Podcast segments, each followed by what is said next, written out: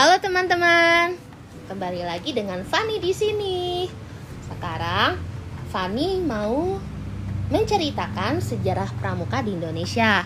Teman-teman pasti tahu ya pramuka itu apa, yaitu Praja Muda Karana. Waktu kita sekolah nih kan pasti aktif lah pramukanya ya. Nah, tapi sebagian dari kita pasti belum terlalu tahu mengenai sejarahnya. Oke, sejarah pramuka di Indonesia itu terbilang unik sebab kemunculannya yang diwarnai dengan proses pasang surut dalam berorganisasi. Sangat wajar karena masa-masa awal tumbuhnya gerakan pramuka di Indonesia adalah pada saat Indonesia masih mengalami proses penjajahan.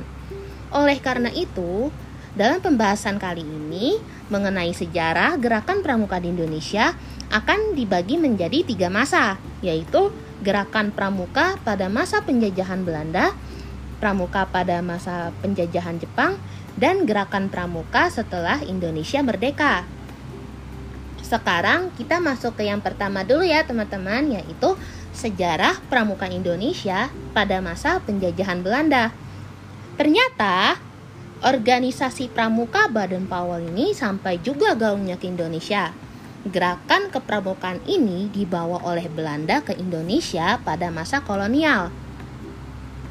Didirikanlah oleh Belanda organisasi kepanduan pertama di Indonesia yang diberi nama NIPV, yaitu Nederland Indisch Padvinders Vereniging yaitu Persatuan Pandu-Pandu Hindia Belanda. Istilah Padvinders ini merujuk kepada istilah untuk organisasi pramuka yang ada di negeri Belanda. Organisasi kepanduan ini ternyata mendapat perhatian dari para pemimpin gerakan kemerdekaan. Mereka melihat bahwa pendidikan dan pelatihan yang dikenal dalam gerakan kepanduan dapat digunakan untuk membentuk karakter orang-orang yang ada di Indonesia. Para tokoh pergerakan tersebut sepakat untuk mendirikan organisasi serupa.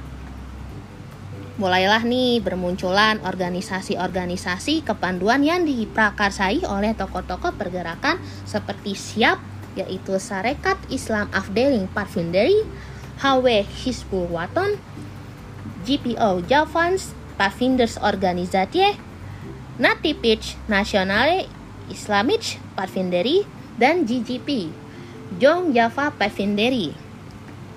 Ternyata penggunaan istilah Pavinderi yang digunakan dalam kelompok-kelompok tersebut mendapat larangan dari Belanda. Namun para tokoh nasional Indonesia tidak kehabisan akal. Bapak Kiai Haji Agus Salim, istilah Pavinderi diganti dengan pandu atau kepanduan. Setelah peristiwa Sumpah Pemuda, kesadaran nasional rakyat Indonesia semakin meningkat Beberapa organisasi kepanduan meleburkan diri menjadi organisasi yang lebih besar. Pada tahun 1930, organisasi PPS atau Pandu Pemuda Sumatera, PK Pandu Kesultanan dan IPO bergabung menjadi satu membentuk KBI, yaitu Kepanduan Bangsa Indonesia. Nah, pada tahun 1931 dibentuklah wadah baru bagi gerakan kepanduan Indonesia yang bernama PAPI Persatuan Antar Pandu Indonesia.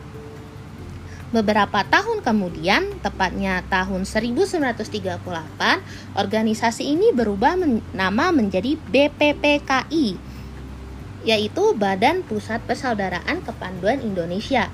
Sebagai upaya menggalang rasa persatuan dan kesatuan bangsa, Badan Pusat Persaudaraan Kepanduan Indonesia BPPKI berencana untuk melakukan kegiatan All Indonesia Jambore. Namun, seperti sepertinya rencana tersebut tidak berjalan mulus. Beberapa perubahan harus dilakukan baik dalam hal waktu, hal waktu pelaksanaan maupun nama kegiatan.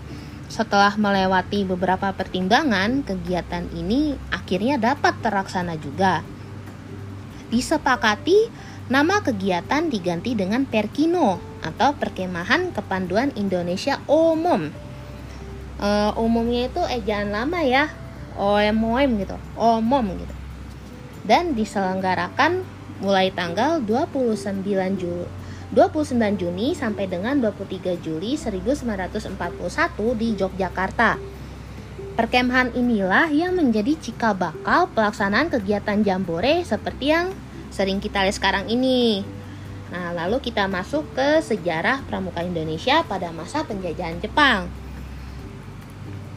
Gerakan pramuka di Indonesia ini terus bertahan pada masa penjajahan Jepang.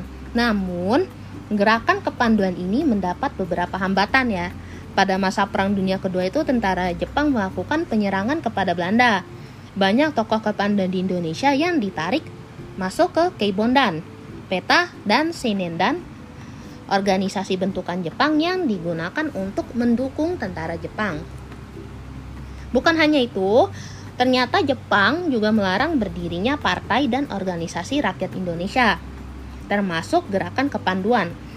Jepang ini menganggap organisasi ini tuh berbahaya karena dapat meningkatkan semangat persatuan dan kesatuan rakyat jajahan.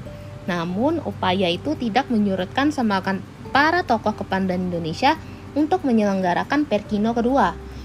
Belakangan itu, banyak pandu yang ikut terjun dan saling bahu-membahu dalam perjuangan kemerdekaan Indonesia mengusir tentara Jepang. Lalu kita masuk ke sejarah pramuka Indonesia pada zaman kemerdekaan.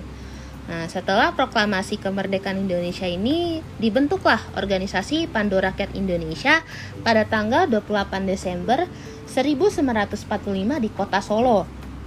Organisasi ini ditetapkan sebagai satu-satunya wadah kepanduan tempat anggota kepanduan Indonesia bernaung. Penetapan ini dikuatkan juga melalui keputusan Menteri Pendidikan, Pengajaran dan Kebudayaan nomor 93 garing BHGA tanggal 1 Februari 1947. Namun, seiring berjalannya waktu, pada tahun 1950 banyak bermunculan organisasi-organisasi kepanduan yang pernah ada pada Perang Dunia Kedua.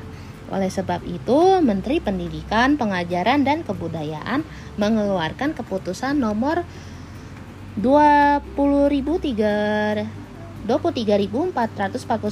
garis miring Kap tanggal 6 September 1951 yang memungkinkan berdirinya organisasi kepanduan lain selain dari Pandu Rakyat Indonesia. Menginjak tahun 1961, telah ada sekitar 100 organisasi kepanduan Indonesia. Organisasi tersebut tergabung dalam tiga federasi organisasi, yaitu Ikatan Pandu Indonesia atau IPINDO, Persatuan Pandu Putri Indonesia Popindo dan Persatuan Kepanduan Putri Indonesia atau PKPI. Namun menyikapi kelemahan yang ada, maka ketiga federasi tersebut bergabung menjadi satu membentuk Persatuan Kepanduan Indonesia atau Perkindo. Diakibatkan adanya kepentingan golongan yang tinggi, membuat Perkindo ini masih lemah Kelemahan tersebut disadari pula oleh pihak komunis yang ingin menjadikan Perkindo sebagai gerakan pionir muda seperti yang ada di negara komunis. Namun kentalnya semangat Pancasila dalam Perkindo membuat seluruh anggotanya menentang keras keinginan komunis tersebut. Untuk menghalau kepentingan komunis itu dikeluarkanlah Kepres nomor 238 tahun 1961 tentang gerakan pramuka yang ditandatangani oleh Insinyur Juanda yang saat itu menjabat sebagai PJS Presiden Republik Indonesia karena Presiden Soekarno sedang berkunjung ke Jepang.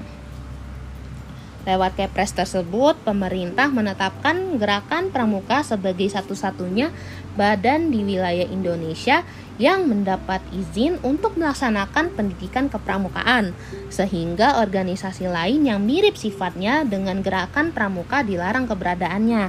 Nah, perkembangan gerakan pramuka di Indonesia ini sangat pesat dan sangat ditunjang oleh ketentuan dalam anggaran dasar gerakan pramuka yang mengatur tentang metode pendidikan kepramukaan. Ketentuan tersebut membawa banyak perubahan bagi gerakan pramuka yakni menjadikan pramuka lebih kuat secara organisasi dan cepat berkembang dari kota ke desa. Adanya pengaturan yang jelas tentang sistem majelis pembimbing yang disiplin dijalankan di tiap tingkatan, baik itu di tingkat nasional maupun tingkat gugus depan. Pada tanggal 14 Agustus 1961, secara resmi gerakan pramuka diperkenalkan ke seluruh rakyat Indonesia, tidak hanya di Jakarta namun juga di tempat penting seluruh Indonesia. Di ibu kota Jakarta terdapat apel besar yang diikuti oleh 10.000 anggota gerakan pramuka yang dilanjutkan dengan pawai pembangunan dan defil di depan presiden dan berkeliling Jakarta. Peristiwa perkenalan yang terjadi pada tanggal 14 Agustus 1961 ini kemudian ditetapkan sebagai Hari Pramuka yang setiap tahun diperingati oleh seluruh anggota Gerakan Pramuka Indo se-Indonesia. Nah, lalu kalau ditanya siapa sih Bapak Pramuka Indonesia itu?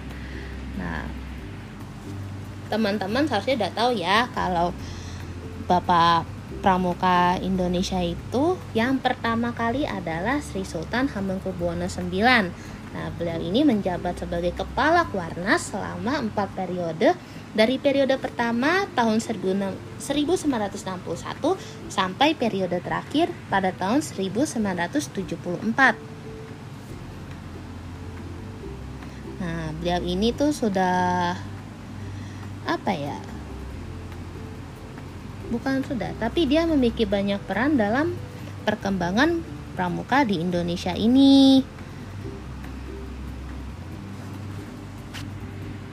lalu hmm, beliau ini menyatukan berbagai macam organisasi lah yang akhirnya jadi ini pramuka gitu. nah lalu dalam acara pramuka itu kan terkenal dengan istilah Jambore Nasional Indonesia. Nah, ini itu disematkan pada pertemuan pramuka penggalang se-Indonesia dengan bentuk perkemahan besar yang diselenggarakan oleh Kuarnas, Kuartir Nasional ya. Jambore Nasional ini dilaksanakan setiap lima tahun sekali dengan peserta yang berasal dari seluruh kabupaten dan kota se-Indonesia. Sampai saat ini kegiatan Jambore Nasional hmm, sudah banyaklah diadakan ya dengan di tempat yang bermacam-macam. Nah, jadi itulah sejarah singkat gerakan pramuka di Indonesia. Semoga adik-adik atau teman-teman yang masih menjadi anggota gerakan pramuka Indonesia semakin tahu sejarahnya. Oke, terima kasih. Sampai berjumpa di lain waktu.